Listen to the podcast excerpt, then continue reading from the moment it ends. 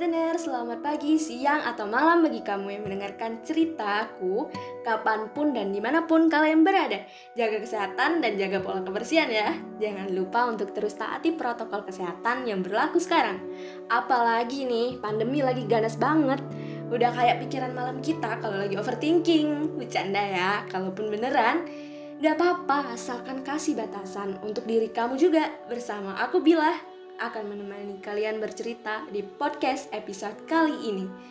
Sebelumnya, para listeners gimana nih kabarnya hari ini? Sehat selalu ya, semoga selalu begitu. Dan untuk yang kurang sehat, mungkin semoga cepat pulih agar bisa melaksanakan tugasnya seperti biasa. Wah, Roma-romanya ada yang lagi kesmara nih. Hmm, dia sepowerful apa sih? Sampai-sampai kamu suka banget sama cara dia. Ceritain dong, kamu boleh ceritain dalam hati kamu dia orangnya seperti apa. Karena gak mungkin dong ada akibat tanpa penyebab. Hmm, layaknya kalian, aku juga cuma manusia biasa.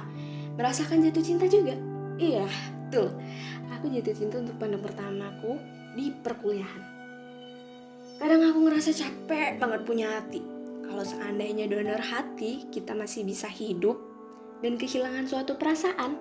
Kayaknya asik deh gak bisa ngerasain apa-apa. Sebelum itu terjadi, sekarang aja yang jelasnya gimana aku gak tahu. Sebagian orang tahu tuh aku ngerti suatu hal, sedangkan aku sendiri jauh deh. Sehari kepikiran untuk nyelesain suatu permasalahan yang ada di otak aku aja enggak.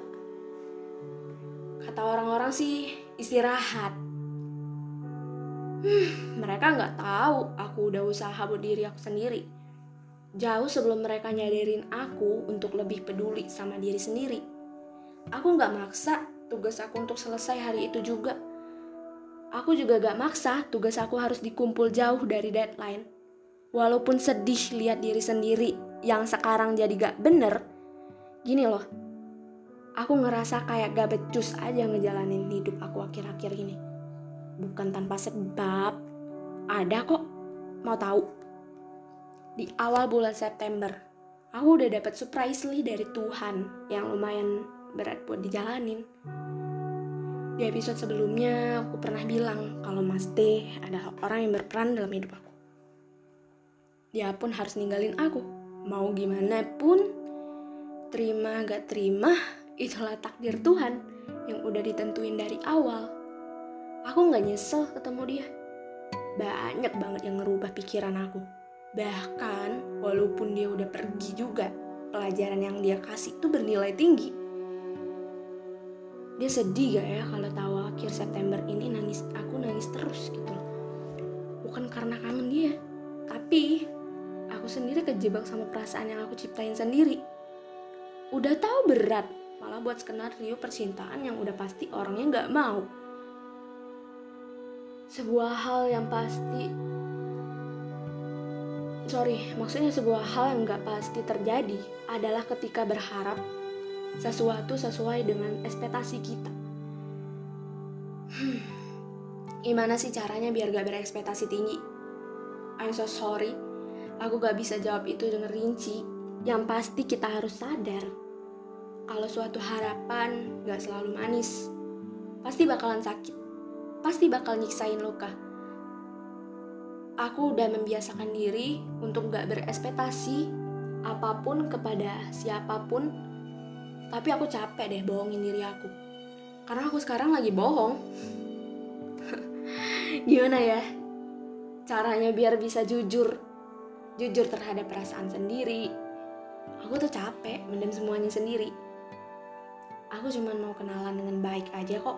Gak lebih serius deh kalau gak boleh dari awal, jangan bikin penasaran dong. Iya orang-orang tuh ada aja yang bikin penasaran. Abis itu udah pergi. Entah disengaja ataupun enggak, aku benci banget sama sifat aku yang kayak gini.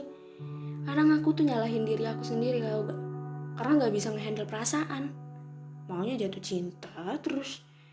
Aku percaya ya, semuanya udah ditakdirin sama Tuhan.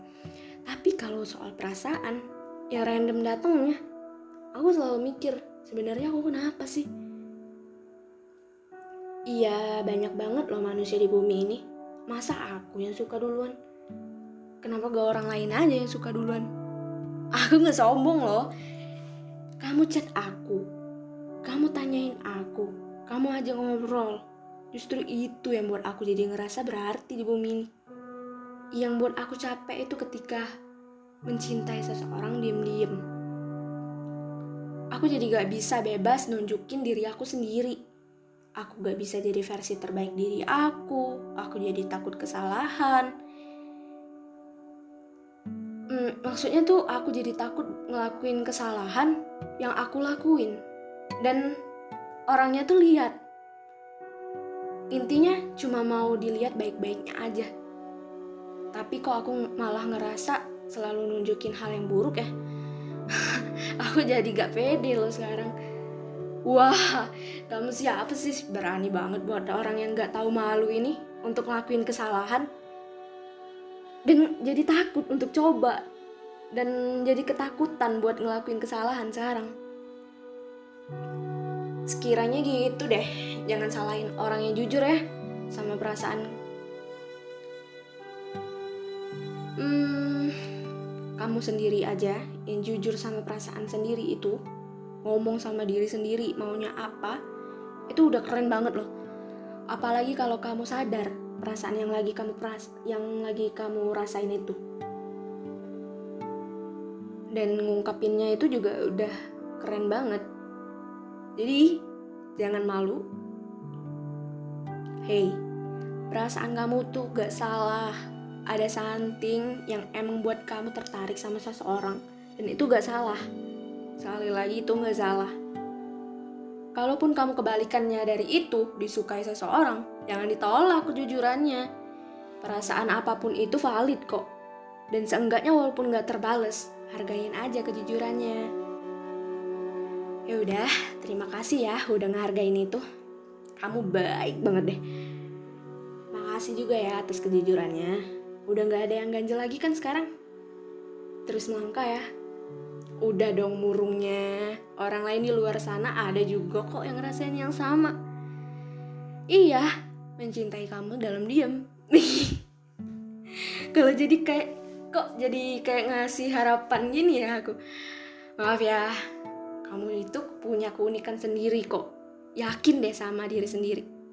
Semangat ya listeners. Aku yakin kamu pasti bisa bangkit dan jalan maju ke depan. Bye bye